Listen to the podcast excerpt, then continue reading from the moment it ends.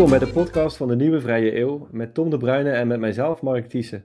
En vandaag hebben wij Olof van der Gaag te gast. En Olof is directeur van de Nederlandse Vereniging voor Duurzame Energie.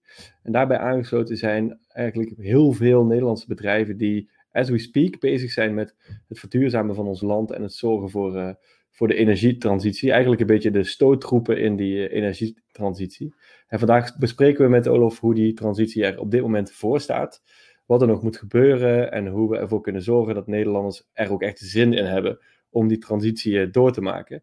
Met andere woorden, hoe kunnen we van ons land eindelijk een duurzame voorloper gaan maken? Uh, welkom Olof, superleuk uh, dat je er bent. Ja, hallo, dat vind ik ook. Dankjewel. En Tom, ook jij weer. Leuk dat je er bent. Joe. Joe. uh, Olof, ja, als, als eerste vraag. kijk, ik volg jou al een tijd kijken. Uh, ik leer er veel van, moet ik zeggen. Met name gewoon echt van de inhoudelijke kant van die energietransitie. Uh, en, ja, ook voor onze luisteraars natuurlijk interessant om, om te weten wie ben je, wat doe je en wat drijft jou? Ja, dat, is, dat zijn grote vragen in het leven. ik ben sinds, sinds vier jaar directeur van de Nederlandse Vereniging Duurzame Energie. Daarnaast ben ik Utrechter, ben ik vader, ben ik man en ben ik ook nog heel veel meer. Maar ik ben dus regelmatig bezig met de vraag hoe zorgen we dat Nederland een volledig duurzaam energiesysteem krijgt. En hiervoor was ik marketing- en campagnedirecteur van Natuur en Milieu. Dus toen was ik wel met duurzaamheid bezig, maar daar sloot ik vooral partnerships met het bedrijfsleven. En organiseerde ik grootschalige consumentenacties. En nu zit ik echt uh, tot ver over mijn oren in het Nederlandse poldermodel. Dus uh, klimaatakkoord, klimaattafels, hoorzittingen in de Tweede Kamer. Uh, nou ja, op dit moment virtueel langsgaan bij ministeries. Dat is op dit moment mijn biotoop. Ja, ja dus, dus veel praten. Veel praten, ja, de hele dag door. Ja, mijn kinderen die snappen daar ook niks van. Die zeggen dat wel eens. Ja, je pap, jij zegt wel dat je wat voor het klimaat doet, maar je zit alleen maar te bellen en te praten. die zouden liever zien dat ik zonnepanelen zou installeren, denk ik. het, het hands-on. Ja, ja. Maar, maar dus, zonder dat, dat is ook uh, gelukkig.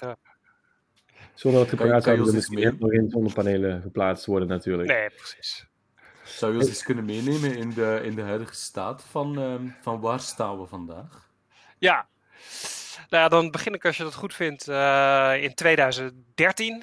Uh, eigenlijk tot 2013 Nederland gewoon in de slaapstand als het gaat om duurzame energie. Het was uh, verwaarloosbaar. Je kon het bijna net zo goed niet doen. Uh, het is dat mensen nog een open haard thuis hadden, anders zaten we helemaal op uh, bijna 0% duurzame energie. want voor de goede orde, open haarden tellen ook mee als duurzame energie. niet de beste vorm, denk ik, maar die telden nog mee in de, in de officiële statistieken, wonderlijk genoeg. in 2013 is eigenlijk voor het eerst Nederland echt uit die slaapstand wakker geworden en systematisch werk ervan gaan maken. Uh, toen hadden we minister Kamp uh, die ervoor wilde gaan. We hadden als politiek leider in de Tweede Kamer van de PvdA Diederik Samson, die natuurlijk buitengewoon bevlogen is op dit onderwerp. Uh, maar we hadden toen voor het eerst in de geschiedenis ook dat VNO-NCW, de werkgeverskoepel, dacht: misschien moeten we toch eens kijken of we vooruit kunnen gaan.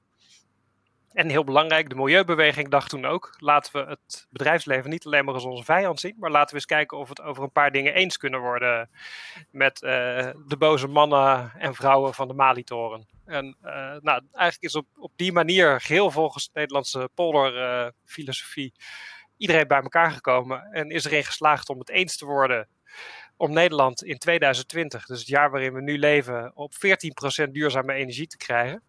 Dus voor je het weet zit je met die energietransitie altijd in een extreme getallenbrei waar uh, niemand meer een touw aan vast kan knopen. Maar dat is wat we toen hebben afgesproken. Uh, eh, 14% van onze energie moet duurzaam zijn. En uh, nou, die gaan we niet halen. zeg ik er meteen bij. Maar daar hoeven we denk ik niet zagrijnig van te worden. Want onze, onze duurzame energie is verdrievoudigd in een paar jaar tijd. En dat energiesysteem dat is ook een soort mammoetanker als je in Nederland een uh, project wil uh, ontwikkelen.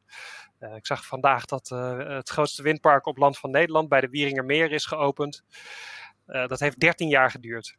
Dus daar is 10 jaar vergaderd en vergunningen aangevraagd, beroepszaken doorlopen, met omwonenden gepraat, een omgevingsfonds. Nou, babbel de babbel de babbel twee à drie jaar bouwen en nu staat het park er. En uh, nu kunnen we gaan draaien. En dat park levert dan in één klap wel stroom voor 370.000 huishoudens. Dus dan, dan schiet het ook lekker op. Maar het is dus echt een heel erg tijd proces om in Nederland dit soort uh, veranderingen voor elkaar te krijgen. Als ik kijk naar waar jij in het verleden gewerkt hebt en wat jij gedaan hebt, dan, dan proef ik wel dat dit een beetje de, de rode, of laten we zeggen, de groene draad door, jou, door jouw carrière is. Hè? Meehelpen aan die energietransitie, klimaat. Wat mis je daarin eigenlijk? Of wat, waarom vind je dit zo'n on, ongelooflijk belangrijk onderwerp? Nou ja, mijn, mijn eerste bekentenis van, van vandaag is dan dat ik er eigenlijk oorspronkelijk geen bal aan vond. Uh, want het gaat heel vaak over techniek bij uh, de energietransitie. En ik ben zelf cultureel antropoloog en ik ben ooit afgestudeerd op het onderwerp organisatiecultuur. Dus eigenlijk vind ik van origine mensen heel veel boeiender dan dingen. En uh, mijn beeld was altijd in die energiewereld gaat het heel vaak over dingen, over de hardware en over de getallen. Terwijl ik juist die mensen zo leuk vind. maar ik vind het nu wel ongelooflijk leuk omdat het zo'n grote maatschappelijke transformatie is. Dus er is heel veel aandacht vooral die technieken. Daar komen we vast nog meer over te spreken. Maar in de kern is het voor mij de grootste maatschappelijke verandering die ik verwacht in mijn leven mee te maken. En het is er ook een die alle sferen van ons leven raakt. Het feit dat wij nu met elkaar kunnen praten, daar hebben we wel energie voor nodig. Het feit dat heel veel bedrijven door kunnen functioneren in coronatijd, is wel omdat er gewoon energie is, waardoor uh, je je laptop doet en je met elkaar kunt praten. Uh, en by the way, ook omdat er datacenters zijn, uh, uiteraard is het niet, uh, is het niet inderdaad dan juist uh, um, een, een, een domein waar dat een culturele antropoloog uh, ja, bij uitstek geschikt voor is, omdat het toch uiteindelijk gaat over hoe kan je de, de hoofden en de geesten in deze organisatie, de BV Nederland, zo in beweging krijgen dat ze langzamerhand doordrongen worden van de noodzaak hiervan. Ja, dat is wel wat ik bij mijn sollicitatie voor deze baan in ieder geval heb beweerd. Okay. en zeker in het begin kwam ik wel mensen tegen die volgens mij dachten: was er nou echt niks beters op de markt dan deze vogel? Uh, maar ik, ik twitter onder andere heel veel over al die inhoudelijke dingen, omdat ik het op die manier zelf beter snap en ook omdat ik het op die manier beter kan onthouden. Dus dan probeer ik het uh, kort samen te vatten wat voor mij de kern is. En dan hoop ik dat anderen er iets aan hebben. Maar ik doe het in alle eerlijkheid ook deels voor mezelf. dan snap ik het zelf ook beter. En als je als, je, als, je als uh, zeg maar, uh, niet deze baan zou hebben, maar uh, even uit zou moeten zoomen. Misschien was je de wetenschap ingegaan en als opdracht had moeten kijken vanuit de bird's eye view naar onze menselijke soort. En hoe ze omgaan met dit.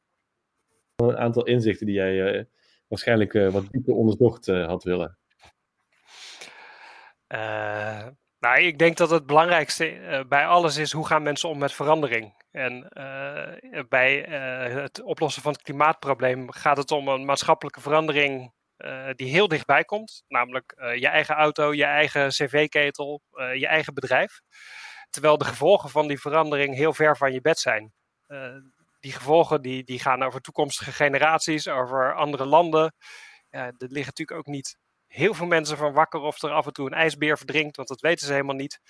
Uh, dus de, de kloof tussen waar je het voor doet en wat je er in je directe leven van merkt, uh, die is heel groot. En dat vind ik, nou ja, ik, ik ben geen professionele antropoloog op dit moment, maar daar zou ik denk ik graag onderzoek naar doen. Van hoe kun je nou het begrijpelijk voor mensen maken en een, uh, ja, de, de lijn korter maken.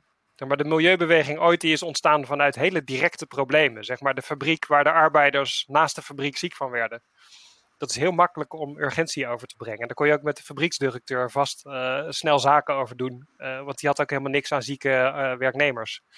Maar hier is die lijn zoveel langer. Dus dat, dat is denk ik heel fascinerend om te onderzoeken. Heb je, heb je wel antwoorden erop? Op welke manier maakt de energietransitie in het hier en het nu, op ons eigen egocentrische leventje, hoe zou je het kunnen zo formuleren dat mensen het wel zien van die elektrische auto, die zonnepanelen, dat heeft wel degelijk voor jou en jouw omgeving uh, ja, in het hier en het nu waarde. Ja, nou, volgens mij waar het ideale geval zijn het gewoon begeerlijker producten. Uh, hmm. Als mensen in de showroom staan, als mensen in de supermarkt staan, uh, dan kiezen ze in principe voor de, voor de producten die het meest begeerlijk zijn. En als je eerst een soort mentale drempel uh, over moet en moet denken: ik doe dit voor de ijsbeer of ik doe dit voor uh, de mensen in uh, 2080. en dan koop je iets wat niet aanlokkelijk is, ja, dan gaat het nooit vliegen.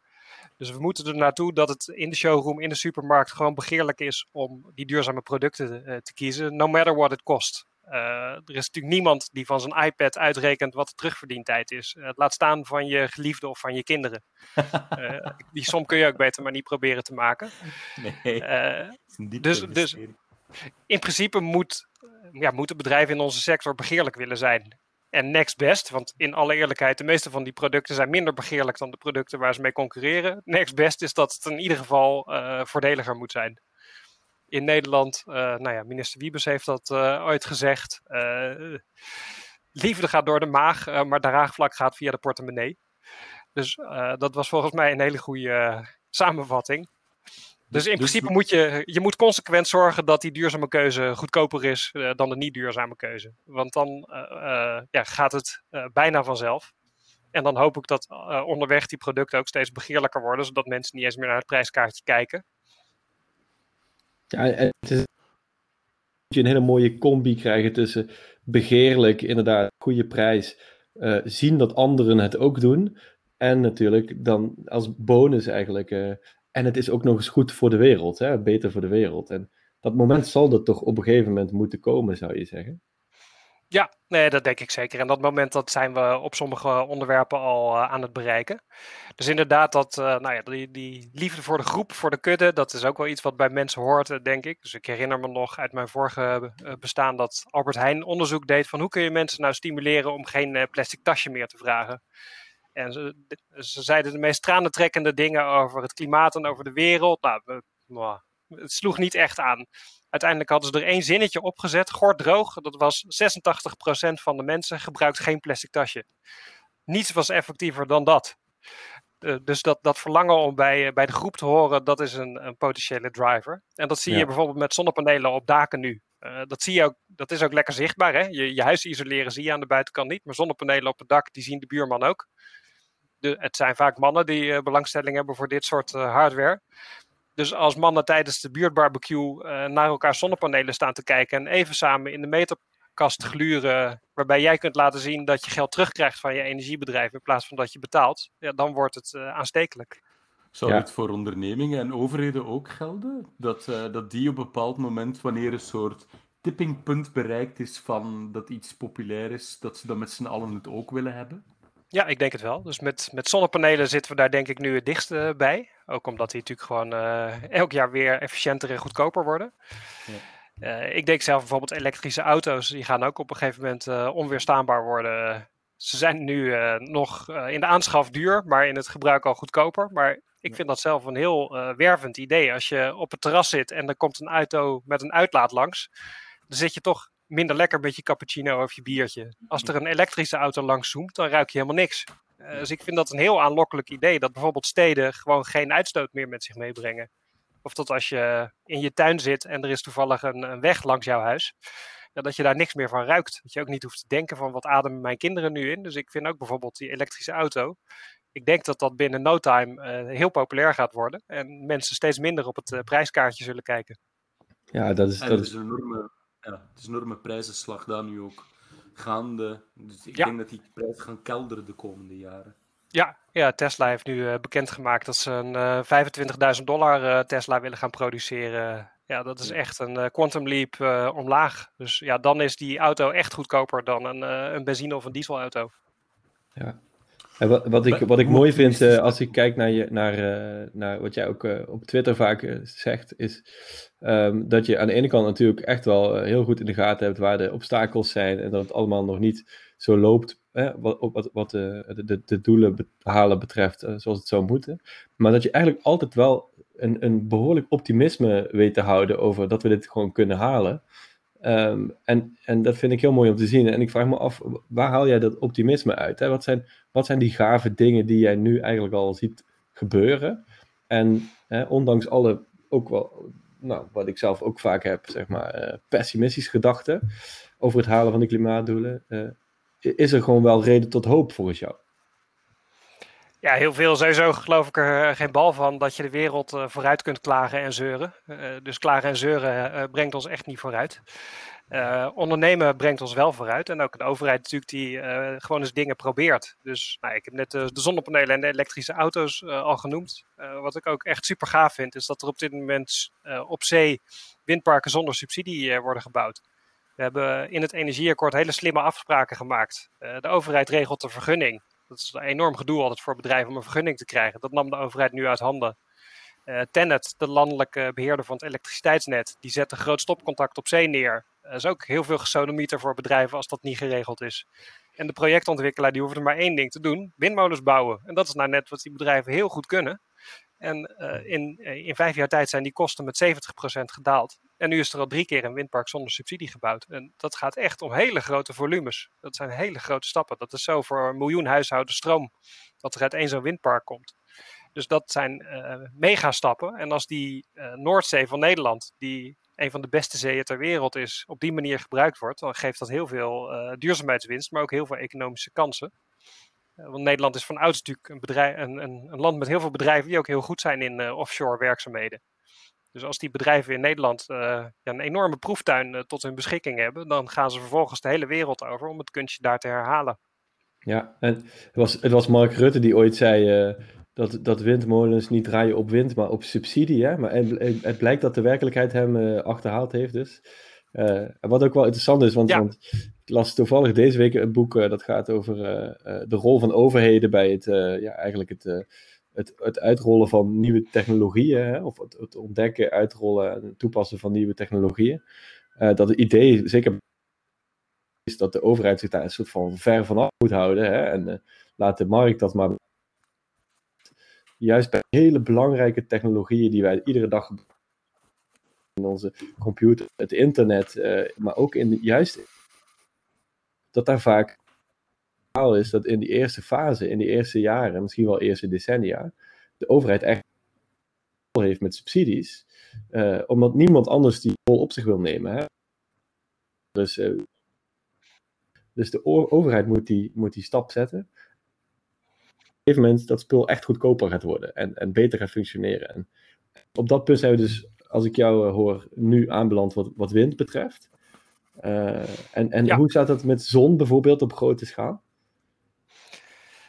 Nou ja, ik vond sowieso die uh, uitspraak van Mark Rutte was een memorabele uitspraak. Een, een groot deel van de groene sector voelde zich uh, daardoor enorm in de, in de klomp gezeken, zoals Farmers Defence Force dat dan zegt.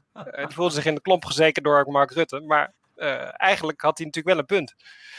Want met zo'n windpark verdient hij op dat moment meer geld via je subsidie dan via de verkoop van je stroom. Dus, dus letterlijk genomen had Mark Rutte gelijk. Uh, het had misschien ietsje aanmoedigender gekund, maar dat is vervolgens goed gemaakt door Henk Kamp.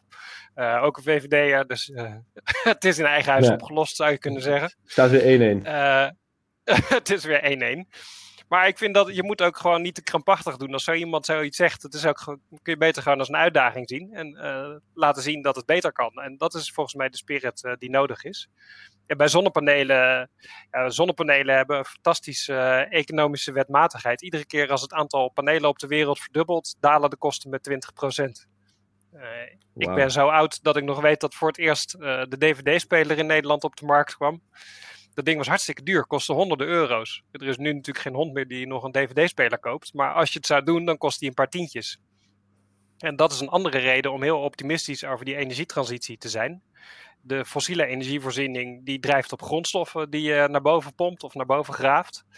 Uh, een groot deel van die nieuwe energievoorziening die, die draait op apparaten. En apparaten hebben allemaal uh, de economische wetmatigheid van de DVD-speler. Namelijk, als het er heel veel meer worden, worden ze heel veel goedkoper. En, nou, bij zonnepanelen zie je dat bij uitstek. Maar zo zal het ook met, met batterijen gaan, met warmtepompen, met, nou, met windmolens, idem. dus dat is een andere bron van optimisme. Je, je, je, zei net, um, een, wat je zou willen is een overheid die dingen probeert. Kan je dat even toelichten? Ja, ja, dat, dat, is iets wat me de laatste tijd ook wel eh, extra bezighoudt. Van hoe kun je nou ook ja, eigenlijk bijna je politici eh, een beetje beschermen tegen al dat gezeik dat ze de hele tijd over zich heen krijgen. Uh, nog even los van uh, de excessen van echte bedreiging en intimidatie. Maar ja. uh, hoe kunnen we als maatschappij zorgen dat politici ook gewoon kunnen erkennen van we proberen hier iets en het kan misgaan. En dan ook zonder het schaamrood op hun kaken naar het parlement of naar de media kunnen van ja, vrienden, we hebben hier eens iets geprobeerd en uh, het is gewoon mislukt. En we, leren daar weer van. Hè? Als je er niet van leert, dan uh, je, je moet een fout niet twee keer maken, maar je mag een fout echt wel één keer maken als je er maar van leert. en ik denk dat de politiek wel heel angstig is voor fouten. en het, het, risico is dat je dan ja, risico's gaat vermijden. En veel echte innovaties komen toch ook van de, van de grond door iets te proberen waarvan je niet zeker weet dat het lukt. Als je, als je zeker weet dat het lukt, dan, ja, dan is het dat, dat is prachtig. Waar denk je aan? Wat, wat, zijn, wat zijn nu risico-investeringen die ze zouden moeten durven uitproberen? Nou, een van de allergrootste vragen is denk ik, hoe krijgen we uh, de warmte in Nederland duurzaam? Dus die elektriciteit met zon en wind, dat gaat hartstikke hard. Dan heb je nog een heel groot issue over hoe je het reststukje van de puzzel in, invult. Hè? Want je kunt de zon en de wind niet aanzetten wanneer het jou bevalt. Die gaan hun eigen gang. maar we hebben een hele grote uitdaging in, in de warmtevoorziening. Warmte is ook meer dan de helft van de energievraag in Nederland. Dus de verwarming van huizen, van fabrieken. Dat is een hele grote vraag. En een van de meest hoopgevende technieken daarvoor, dat is waterstof, groene waterstof. Als je het helemaal eerlijk uitrekent, is het nu niet de goedkoopste optie. het is nu goedkoper om andere dingen te doen. bijvoorbeeld CO2 onder de grond stoppen is goedkoper. Uh, nou, ben ik overigens helemaal niet tegen hoor. Maar dat is, dat is een risicomijdender techniek. We moeten hem wel toepassen, nogmaals. maar groene waterstof rekent op dit moment nog niet rond. Terwijl eigenlijk iedereen die ik spreek en elke studie die ik lees, die zegt: ja, je hebt dat gewoon nodig. waterstof kan alles wat aardgas ook kan. En dat heb je als een soort gatendichter in je energiesysteem nodig. Want zon en de wind zijn niet flexibel. geothermie is niet flexibel. restwarmte van datacenters is niet flexibel. Eh, er zijn heel veel dingen niet flexibel. Dus je hebt een, een product met een superieure flexibiliteit nodig. En aardgas heeft dat, alleen veroorzaakt ook CO2. Dus nou, die groene waterstof, dat is iets waar volgens mij nu de, de politiek echt, bijvoorbeeld vanuit dat groeifonds, gewoon extra middelen voor ter beschikking zou moeten stellen. En het tweede voorbeeld, dat is de elektrificatie van de industrie. Dus de industrie die, die levert nu zijn warmte, of, regelt nu zijn warmte door aardgas of steenkolen te verbranden. Dat is relatief makkelijk te vervangen met groene waterstof, dus daarom is die zo aantrekkelijk. Maar je kunt het ook met elektriciteit doen. alleen dat is disruptiever voor bedrijven. En de industrie, zeker in, in coronacrisistijd, ja, is iets minder happig op, op echt disruptieve veranderingen. Terwijl als je rechtstreeks die elektriciteit gebruikt, is, is super efficiënt. Uh, en er zijn heel veel uh, toepassingen van elektriciteit ja, waarvan we al merken dat het ons leven aangenaam maakt. Er is niemand meer die een olielampje heeft, behalve misschien in het museum. En je kunt je ook niet voorstellen dat je in de stoomtram stapt en als passagier zo'n wolk in je gezicht krijgt. Dus in principe hebben we al op heel veel plekken gezien dat overstappen op elektriciteit het leven aangenamer maakt. Uh, maar voor de industrie is die stap nu vaak nog te groot. Dus dat is een, een tweede voorbeeld waar ik denk, daar moeten we echt grootschalige innovaties uh, met ook bijbehorende miljardeninvesteringen gaan doen. Uh, zelfs als bij het Planbureau voor de Leefomgeving nu misschien niet als, als beste uit de rekensom komen. Dat, Er zat niet veel over in te plannen, geloof ik. Nee, nee. Dus uh, ik, vond het, uh, ik vond het op zich hartstikke verstandig dat de uh, overheid een groeifonds inricht. En ook de, de, thema's die erin zitten zijn serieus. Het gaat over infrastructuur, over kennis, innovatie, scholing. Allemaal goede dingen. Ook zeer van toepassing voor, voor mijn wereld. het is 20 miljard voor vijf jaar. dat is net zoveel als er aan klimaat wordt uitgegeven de komende vijf jaar. Dus dat zijn ook echt, nou ja, dat is groot bier zeg maar. Dat is serieus geld. Uh, alleen er zit niet zoveel richting in. Dus dat is ook zo'n voorbeeld ja, waar Nederland, als ik dan iets naar zuidwaarts kijk, in Frankrijk zijn ze natuurlijk niet vies van een beetje centrale overheidssturing. Uh, Nederland is daar een beetje afwachtend in, vind ik. Dus ik vond ook, ja, ik zag ook wel allerlei kritiek op dat groeifonds die ik weer van doorschieten. Want het is ook niet zo dat het per definitie verkeerd gaat. Het is alleen gewoon niet zo richtinggevend. Het is een beetje afwachtend. En, en ja. dat is volgens mij de stroom die de overheid van zich af moet werpen. Waar komt dat vandaan dan? Want uh, eigenlijk alle landen om ons heen, ik, ik weet, Bel België weet ik even niet trouwens hoor. Uh, die hebben volgens mij sinds, sinds vandaag weer een, een regering, Tom. Ja. Gefeliciteerd. Ja. Gefeliciteerd. Maar uh, Duitsland, Frankrijk, ik geloof zelfs het Verenigd Koninkrijk, die, die trekken toch aardige bedragen uit. Ook nu extra eigenlijk vanwege die coronacrisis.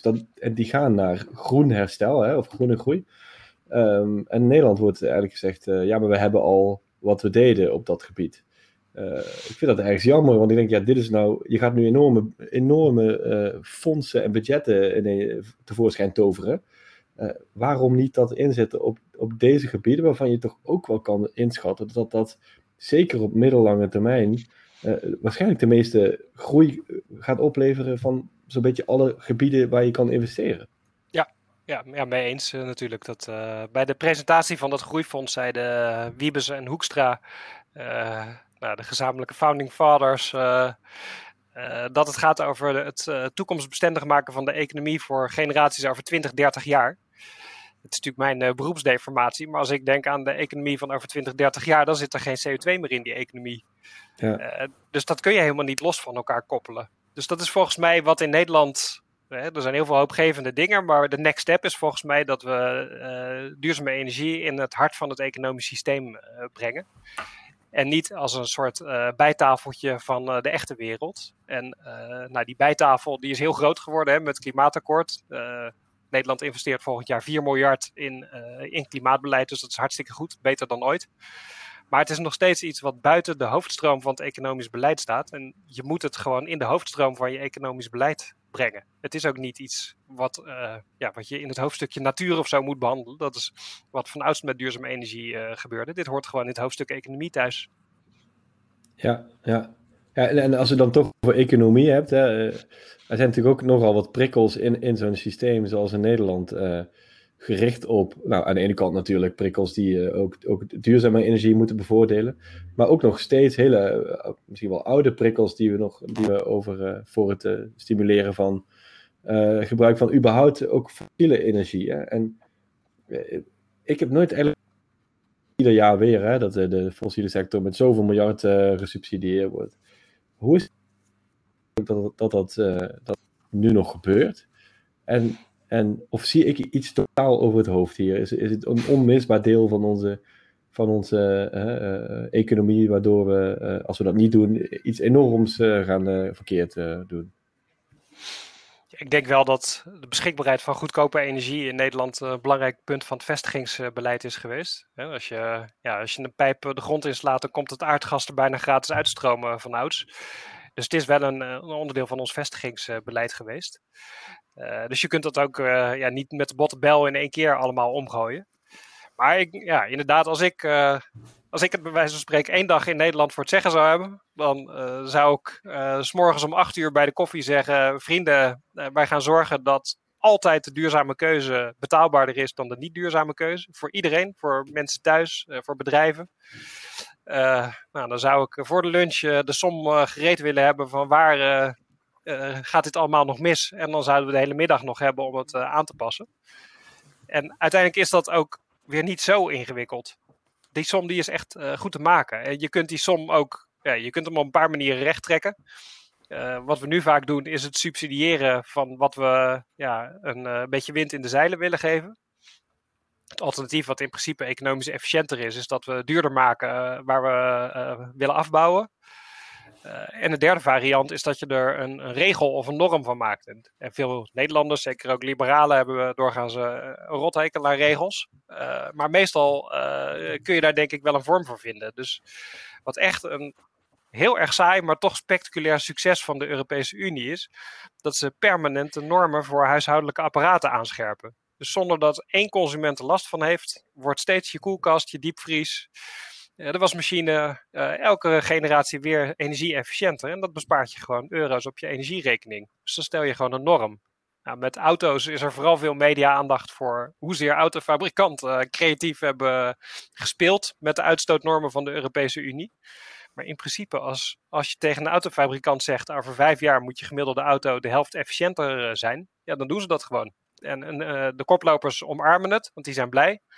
Uh, er zijn ook altijd achterblijvers die gaan sputteren. Maar ook met dat soort normen kun je het economisch speelveld uh, heel efficiënt veranderen. Dus dat is volgens mij in de kern wat we moeten doen. Uh, en waar volgens mij. Waar, ik, waar ik denk, dat is een leuke vraag natuurlijk, van waarom gebeurt het niet? Ja. wat ik denk dat permanent misgaat in Nederland, is dat we alles tegelijkertijd proberen op te lossen. Dus we proberen elke ingreep in het energiesysteem meteen te compenseren voor de concurrentiekracht van bedrijven. Wat een heel belangrijke factor is, maar echt extreem onhandig als je dat bij elke maatregel afzonderlijk wil gaan oplossen. En wat in Nederland altijd nog meer aandacht krijgt, is de koopkracht van de burger. Dus heel Nederland haalt altijd opgelucht adem als we weer een koopkrachtpuntenwolk kunnen maken, waar je ziet wie er 0,8% op vooruit gaat en wie 1,2% uh, de andere kant op.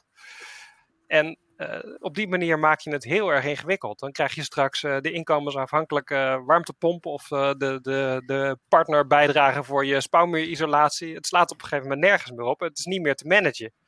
Dus volgens mij moet je vrij rigoureus dit economisch principe toepassen. Duurzaam, altijd goedkoper dan fossiel.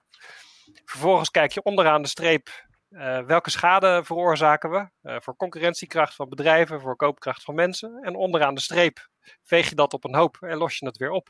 En Nederland is zo goed in puntenwolken maken over koopkracht. Als één land dat weer recht kan trekken, is het Nederland.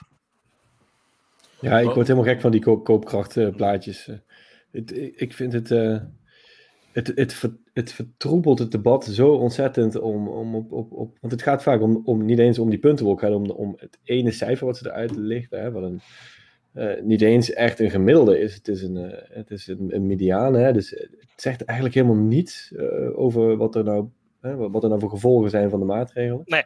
En het leidt ertoe dat je dus ook nooit echt.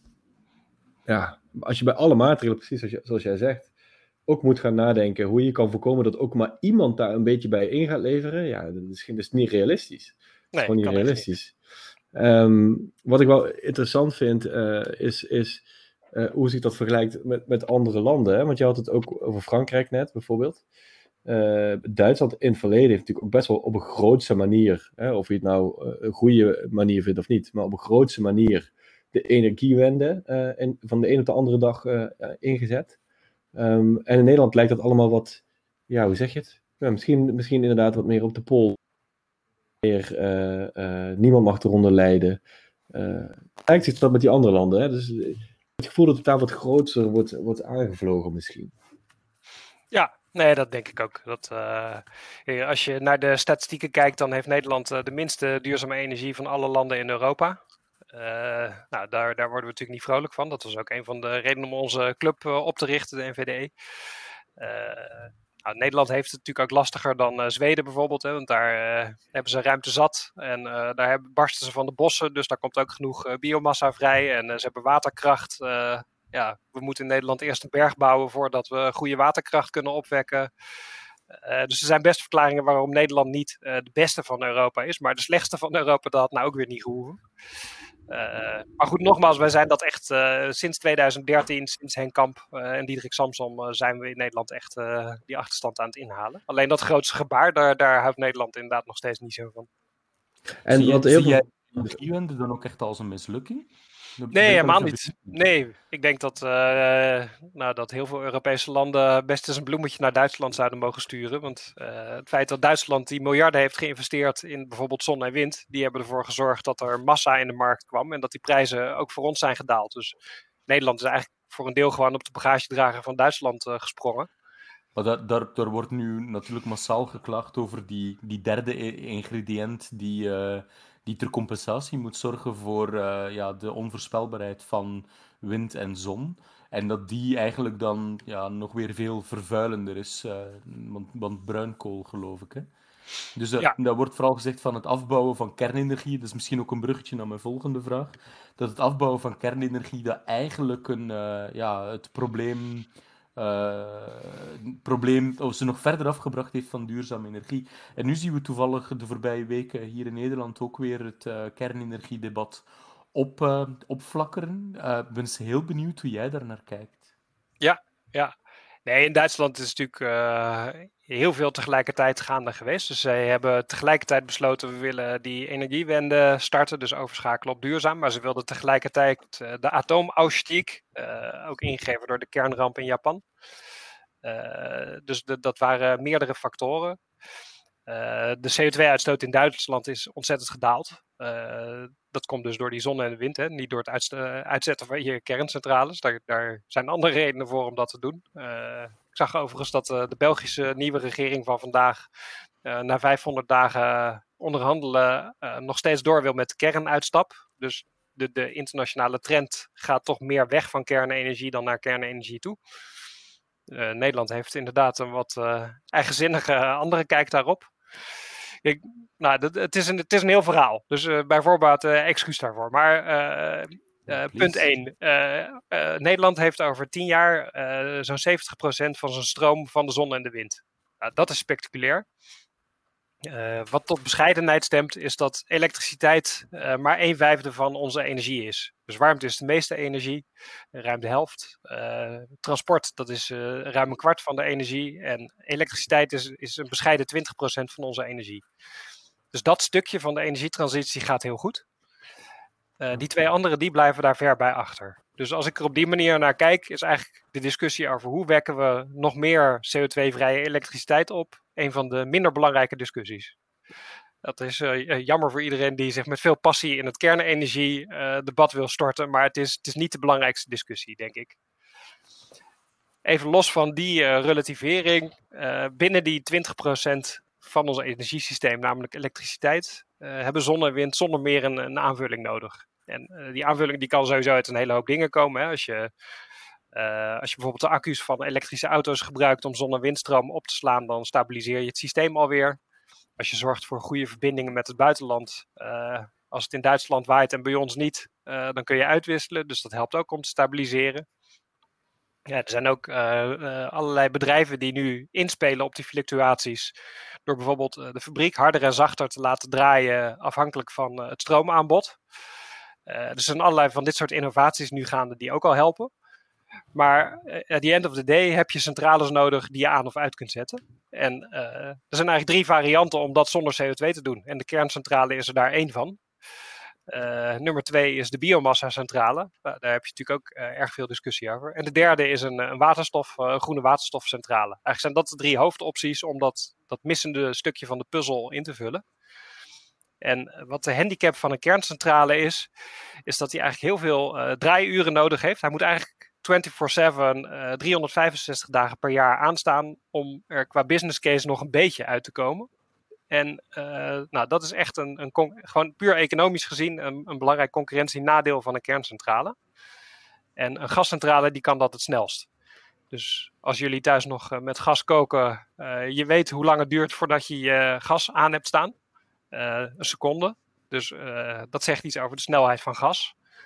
Uh, als je wel eens barbecued, dan weet je iets over hoe lang het duurt om een biomassa-centrale aan te krijgen. Dat, dat duurt wat langer voordat de fik daar goed in zit. En de kerncentrale is nog langzamer. Dus puur economisch gezien is, is dat een, een achterstand voor de kerncentrale. wat uiteindelijk vooral mijn mening is, is dat we met z'n allen veel te veel praten over technieken. Het is misschien voor een klein stukje ook de antropoloog in mij die er eigenlijk niet eens verschrikkelijk in geïnteresseerd is. Uh, wat ik vind dat er zou moeten gebeuren is dat we zeggen, we hebben CO2-vrije stroom nodig en we zorgen dat daar een competitie voor komt. Dus als ik vandaag in de snelheid uh, de Belgische plannen goed las, dan organiseren ze daar een tender om de leveringszekerheid uh, te waarborgen. En dat vind ik eigenlijk heel interessant. Als je gewoon de markt uitdaagt van jongens, dit is het probleem. Wij willen altijd dat het lichten doet. We willen altijd dat de fabriek kan draaien en dat, dat de trein kan rijden. Uh, ga maar in competitie met elkaar. Dan hoeven we niet te discussiëren wie nou de beste is. Dan gaan we dat gewoon via marktwerking wel ontdekken. Briljant. Ja, ja want, want ik, ben ik, ik deel dit uh, heel erg met je dat het vaak te veel gaat over de, de techniek hè, of, of de middelen, zeg maar, waarmee je uiteindelijk die doelen gaat behalen. Ik vind dat heel raar. Hè? Dat verbaast mij bijvoorbeeld dat Um, ja, als je aan de meer linkse kant gaat kijken, uh, waar het toch echt wel al veel langer ingezien wordt dat dit een probleem is, hè, klimaatverandering, laten we heel eerlijk zijn. Uh, het is echt niet uh, een, een, een rechts issue van origine. Um, dat aan de ene kant gezegd wordt, dit moeten we oplossen, want anders vergaat de wereld. Het wordt helemaal uh, uh, anders dan we, dan, we, dan we nu hebben. Slechter, uh, weet ik veel wat voor rampen komen op ons af. en vervolgens zegt iemand: Oké, laten we dat dan doen. ik stel voor dat we kernenergie gebruiken. En dan zegt de linkse, bijvoorbeeld Greenpeace, zegt dan: Oh nee, dan, dan, zo hoeft het niet voor ons. En dan denk ik: Ja, dat komt dus op mij over alsof je het eigenlijk niet serieus neemt. Want je kan niet zeggen, de wereld vergaat. En vervolgens zegt iemand, ik ga je helpen om dat te voorkomen. En dan zeg jij, ja, maar niet. Uh, ik vind dat heel dus in een soort van ideologische discussie. Terwijl je eigenlijk een soort van gemeenschappelijk doel toch wel inmiddels erkent met elkaar. Uh, waar je steeds lastiger komt. Biomassa is hetzelfde. Dat wordt nu ook door een aantal partijen een soort van afgedankt. Terwijl dat juist ook gewoon een middel is wat volgens mij kan bijdragen aan die transitie. Um, het lijkt wel alsof we elkaar bevechten op de middelen, terwijl we het eens zijn dat de wereld vergaat als we het doel niet halen. Dat vind ik. Ja, nee, ik, ik herken dat beeld wel. Ik zag een keertje een cartoon die ik wel geestig vond. Uh, daar zag je een zinkende Titanic. En uh, daar zag je één iemand roepen: Het staat helemaal niet vast dat we zinken. Je zag een tweede roepen: Ja, maar we weten helemaal niet of het wel aan ons ligt dat we zinken. En uh, je zag een derde die zei: Laten we toch maar in een reddingsbootje springen. En je zag een vierde zeggen: Ja, maar dan moet het wel een duurzaam reddingsbootje zijn. ja. ja, dat is. Dat is ongeveer wat er aan de hand is. Ja. dat is ongeveer hoe die discussie soms gaat. Nou, en ik denk niet dat dat de beste weg vooruit is, uh, inderdaad. Dus ik, ik, denk zelf dat we heel erg naar die economie van de oplossingen moeten kijken. En naar het maatschappelijk draagvlak, et cetera. Van hoe maken we het nou begeerlijk voor mensen? Hoe wordt het nou ook ja. nog een beetje leuk in plaats van dat we elkaar allemaal de hersens inslaan? maar dit, deze nou, deze tendens uh, die herken ik dus wel. Ik vind het eerlijk gezegd ook wel weer apart dat juist een partij aan de liberale kant van het spectrum zegt: wij hebben erover nagedacht en wij weten welke techniek het moet worden. Ja. De politiek heeft in Nederland eerst tegen energiebedrijven gezegd: ga alsjeblieft kolencentrales bouwen. Nou, daar zijn ze op teruggekomen. In ieder geval het tweede deel hiervan was denk ik verstandig. Uh, toen heeft de politiek tegen energiebedrijven gezegd: ga biomassa-centrales bouwen. Nou, in, in, ieder geval deel van de politiek komt daar nu ook op terug. En dan gaat nu als derde stap de politiek tegen bedrijven zeggen: ga kerncentrales bouwen. Ja, hoe denk je zelf dat die boodschap bij die bedrijven binnenkomt? Uh, die gaan het natuurlijk gewoon niet doen. Die hebben, dat, dat, weet jij als geen ander, denk ik. Want jij, ja, jij praat ja, daar ja, met me. Ja, ja, wat veel mensen gewoon ook onderschatten is zo'n kerncentrale bouwen. Dat is voor columnisten snel opgeschreven. Uh, en voor politici ook snel in de motie gegooid. Maar uh, ja, het, het, voorbereiden van een investering in een kerncentrale kost al een half miljard. Daar heb je zulke technische, uh, hooggekwalificeerde kennis voor nodig. Dat is een enorme investering. En zo'n kerncentrale zet je voor 60, 80 jaar neer. Ja, dat is een voordeel. maar het betekent ook wel dat je voor 60, 80 jaar vooruit het gevoel moet hebben dat de politiek en de maatschappij een beetje achter je blijven staan om die investering te durven doen. Nou, op het moment ja. is het sfeer in het bedrijfsleven dat zal blij zijn als, uh, als de politiek het soms uh, 60 tot 80 dagen volhoudt uh, om hetzelfde te vinden. Hoe kijk ja. jij naar de klimaatuitdagingen? Um, ik bedoel, jouw, jouw specifieke onderwerp, namelijk duurzame energietransitie, is een puzzelstuk in dat geheel. Um, hoe kijk je naar, naar Nederland uh, over 20, 30 jaar? Uh, ben, je daar, ben je bang voor? Ben je er bang voor? Ben je er optimistisch voor? Uh, nou, in principe ben ik heel hoopvol door alle positieve kansen die ik zie. En ook alle bedrijven en mensen die het nu meer dan ooit serieus nemen. Ik, ik ben 46, maar ik heb echt geen enkele herinnering dat het ooit zo serieus is geweest. Ook zo breed politiek en maatschappelijk. Dus dat is hoopgevend. Ik moet bekennen dat ik soms ook wel schrik. Zo'n zo'n zomer als vorig jaar, dat we opeens in Nederland het meer dan 40 graden bleken te kunnen krijgen. Of, of zo'n winter als afgelopen winter, waarin het gewoon niet eens vriest. De, nou, dan, dan, dan, je kunt strikt genomen niet zeggen dat is één op één klimaatverandering, maar, maar de kans op dat weertype die groeit gewoon uh, permanent. En dat vind ik ook wel soms verontrustend, ja. Dus ik, ik ben daar soms, ja, soms ook wel bezorgd over. Ja, de, de, de grootste omzetstijging in, in de energiewereld afgelopen zomer zat bij de airconditioning. dat komt ook omdat iedereen natuurlijk aan thuiswerken is door corona. Dus de, nou, we hebben wel echt een flinke klus te klaar uh, om over 30 jaar tevreden met pensioen te kunnen gaan. En een van de dingen die, die wij daar een beetje bij missen, Tom en ik, denk ik, of waar we naar zoeken misschien, is dat, dat, dat wenkende verhaal hè, van hoe die wereld er dan uitziet. En zodat mensen ook het gevoel hebben van wauw, dat is iets waar wij ook dat, hè, gewoon heel graag naartoe willen. en we hebben ook zin in om dat voor elkaar te krijgen. En ik, heb, ik, ben, ik kom het niet echt tegen, moet ik zeggen. Ik had laatst een, een boek aangeraden gekregen, wat ik met heel veel verwachting heb gelezen. Het heet The Future We Choose, van mevrouw Figueres. Zij was, ik geloof, hoofd van de, hoe heet het, de UN Climate Panel, denk ik. Ehm, daar wordt dan een, een, beeld geschetst van de wereld die we krijgen als we niks doen. Nou, dat is verschrikkelijk. dat, wil je, dat, wil je niet. maar ze schetst ook een beeld van de wereld die we krijgen als we het wel goed doen. En dat wilde ik eerlijk gezegd ook niet. Dat, dat was een soort van. Uh, dat wat weer werden, zeg maar. Hè, het, oplossen van die, van die klimaatcrisis werd vermengd met allerlei andere dingen die voor mij niet daarbij horen. Uh, met name uh, zeg maar, socialistische, socialistische wensdromen. maar dus dat boek heeft mij niet dat, dat, dat, dat gewenste ideaal kunnen schetsen. Ik vroeg me af, misschien heb jij een idee bij hoe, hoe ziet die wereld er nou uit waar wij, naar moet, waar wij naar moeten streven? Uh, de wereld uh, over 30 jaar, als het ons gelukt is om, dit, om deze ongelofelijke uitdagingen te overwinnen? Ja, nee, mooie vraag. Uh, ik, ik hou zelf erg van de, van de moderne tijd en ook de wereld waarin wij nu al leven. Dus voor mij is een deel van het, het werkend perspectief dat we daarmee door kunnen gaan. Om het heel persoonlijk ook te maken. Mijn schoonfamilie komt uit Indonesië ik vind het echt geweldig dat ik met mijn kinderen en mijn vrouw drie jaar geleden uh, mijn schoonfamilie daar kon bezoeken. En dat mijn kinderen konden zien waar opa en oma zijn opgegroeid. Dat is een verworvenheid van deze tijd die fantastisch is en die ik heel graag uh, wil behouden. Uh, we zijn in Indonesië ook tussen het koraal en de gekleurde vissen wezen zwemmen met, met onze meisjes. Ik vind het een fantastisch idee als we dat kunnen behouden, als dat toekomstperspectief voor hun ook is. En ik had een keertje een, uh, een, sessie met Helene Koning, een bekende klimaatwetenschapper uit Nederland. Hele goede vrouw. Uh, en die vertelde, ja, weet je wat nou het verschil is tussen of we wel of niet de wereldwijde temperatuurstijging kunnen beperken tot 2 graden? Uh, dat is of, of dat koraal er nog is. Dus als we boven die 2 graden komen, is gewoon al het koraal ter wereld weg. Dat is dan gewoon afgestorven. Dus voor mij is een deel van het wenkend perspectief dat er in 2050 gewoon nog steeds uh, koraal is. En ook dat ik nog steeds uh, dan als opaatje met mijn kinderen en misschien mijn kleinkinderen uh, nog steeds naar Indonesië kan vliegen. Doordat we erin zijn geslaagd om zelfs die ongelooflijk ingewikkelde luchtvaart duurzaam te maken. Dus, dus dat is deel 1. We, we, leven in een fantastische tijd en die kunnen we volhouden door te verduurzamen.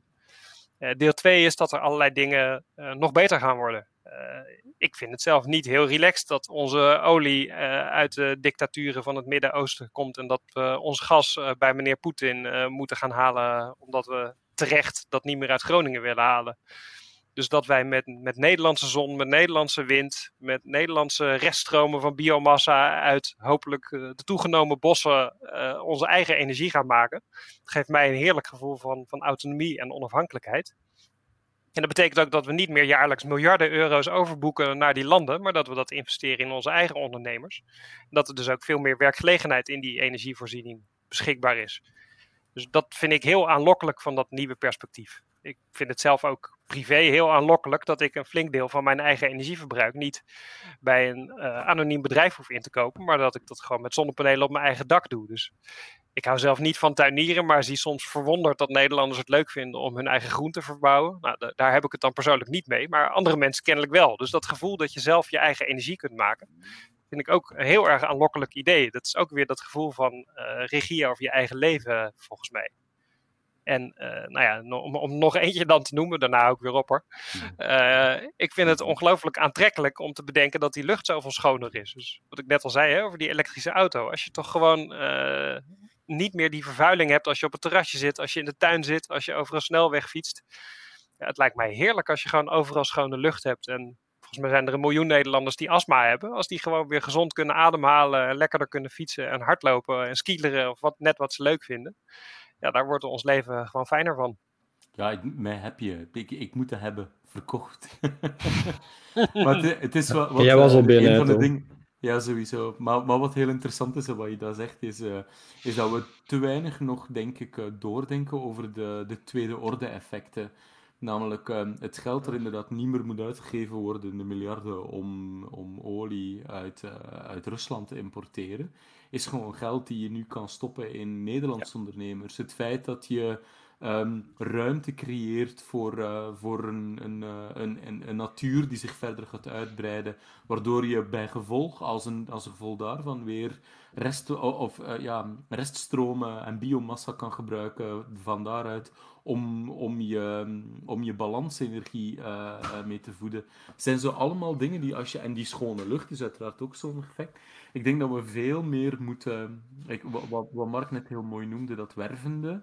Uh, de wervende toekomst. Uh, die, we moeten veel duidelijker die secundaire en tertiaire effecten van de inspanningen um, uh, proberen te, tot de verbeelding te laten spreken. Ja, mee eens. Ja, Zeker, ja. Ik was na het lezen van het boek van mevrouw Figueres een beetje pessimistisch geworden, Olof. Maar je, hebt het, je hebt de hoop en het optimisme weer teruggebracht bij mij.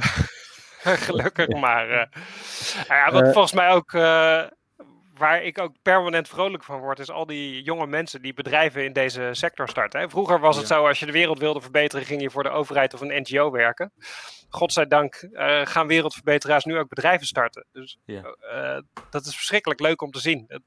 wat ik echt een fan van ben, is dat Nederland wint altijd de studenten solar races. Dan gaan ze met zo'n zonneautootje dwars door Australië crossen en op onafvolgbare wijze wint Nederland altijd. Altijd, ja, bizar. En van ouds heeft Nederland wat minder die ondernemerscultuur. Dus ook veel van die studenten die gingen dan weer ergens voor een mooi bedrijf uh, een prachtige functie vervullen. Maar één van die studententeams die dacht, nee, dat was niet het idee. Wij gaan gewoon een autofabriek starten.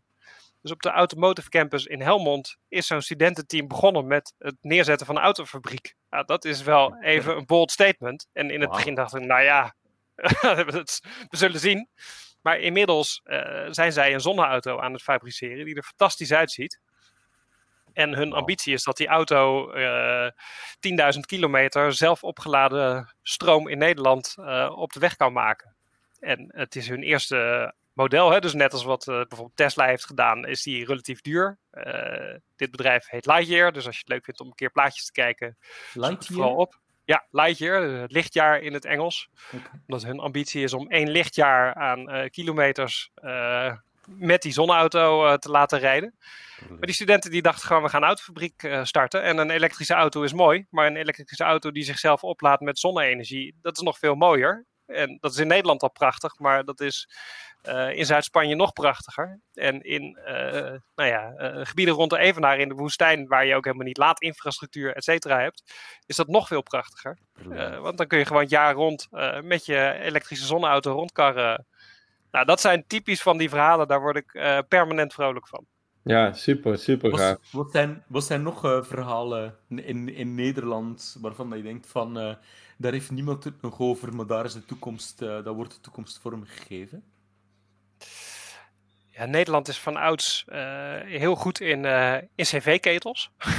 dat klinkt heel saai, maar Nederland heeft heel veel cv-ketels. Er zijn nu allerlei bestaande bedrijven, maar ook jonge bedrijven, die proberen huizen in één keer aardgasvrij te maken. En dat zit allemaal nog in de pioniersfase. Maar nou ja, wat je met de zonnepanelen aan stroom opwekt, dat kun je bijvoorbeeld met warmtepompen, et cetera, ook voor de verwarming van je huis doen. Uh, dus nou ja, Woon Duurzaam, dat is zo'n bedrijfje die probeert het voor mensen ultra makkelijk te maken om in één keer het aardgas uit hun woning achter zich te laten. En dat gewoon met zelf opgewekte stroom en warmte te gaan regelen. dus nou, dat, dat zijn allemaal van die bedrijven die nu er zin in krijgen. Dus het is, ja, het, is, het is één grote proeftuin. Het is echt een feest voor jonge ondernemers, de energietransitie. Super cool. Fantastisch. Leuk, Olof. Ik, ik, vroeg me nog af, het is eigenlijk de vraag van, van Tom. Ik zag uh, dat jij die nog, nog genoteerd had uh, als afsluiter. Uh, wat, um, wat, wat, zijn nou boeken of, of podcasts of documentaires die jij echt kan aanraden aan onze luisteraars en misschien ook aan onszelf om, te, om, om, ja, om eens naar te kijken? ja, dat is een goede vraag. dat, kijk, wat ik zelf uh, op dit moment de grote uitdaging in, in de energietransitie vindt, is om iedere keer weer concreet te worden. Dus het is heel persoonlijk waar je interesse natuurlijk in zit. Mijn persoonlijke interesse zit nu heel erg in een beetje de nerdy. Uh, rap, dat zijn dus meestal rapporten, zijn niet eens boeken. Een beetje nerdachtige rapporten. Die heel concreet maken van wat is er nou echt nodig. Dus bijvoorbeeld het Planbureau voor de Leefomgeving ja, die zullen nooit de lezersprijs gaan winnen met hun rapporten. Maar dat zijn vaak van die hele droge feitelijke analyses van hoe zit het nou echt met biomassa, met kernenergie, met de kosten voor woningisolatie. Dus iedereen die het echt wil begrijpen, die raad ik ook wel aan om af en toe zich toch eens door zo'n PBL-rapport heen te eten. Eh, de internationale klimaatwetenschappers van IPCC, die hebben ook altijd van die ja, gorddroge grafieken en cijferanalyses. Uh, ja, het is niet mijn natuurlijke belangstelling. Dus als ik op vakantie ben, dan heb ik zeker niet een rapport van IPCC en PBL eh, onder de arm. maar het is, het is eigenlijk leuk om jezelf er eens gewoon mee te kwellen. omdat het je heel veel feeling geeft voor waar, waar gaat het nou over. Ja. En wat ik een goede podcast vind is bijvoorbeeld uh, Studio Energie van uh, Remco de Boer. Ja. Uh, die neemt echt drie kwartier, een uur de tijd om, om mensen gewoon eens echt te laten vertellen hoe zij er tegenaan kijken. En dat is soms iemand als Ben van Beurden, de chef van Shell. het is soms Joris Thijssen, de directeur van Greenpeace. Het zijn soms mensen die heel diep in één techniek zitten. nou, zeker als je af en toe eens een uur de tijd hebt om naar iemand te luisteren, is Studio Energie echt een aanrader. Super, we gaan het uh, aan onze luisteraars meegeven. Olof, super veel dank. Uh, ik vond het echt uh, wederom heel, heel leerzaam en leuk. ik hoop, Absoluut. Hoop, hoop, dat jij het leuk vond om mee te doen. Absoluut. Super. En um, ja, ik, ik hoop dat de inspiratie ook ja, eigenlijk maar doorgaat. Hè? En dat, dat jouw optimistische gevoel ja, vleugeltjes krijgt in Nederland elektrisch aangestuurde vleugeltjes. En dat onze luisteraars uh, dat net zo'n hoopvol gevoel aan overhouden als ik uh, vanavond. Uh, super dat je er was en dankjewel. En iedereen, dank voor het luisteren. En tot de volgende keer. Dankjewel, tot ziens.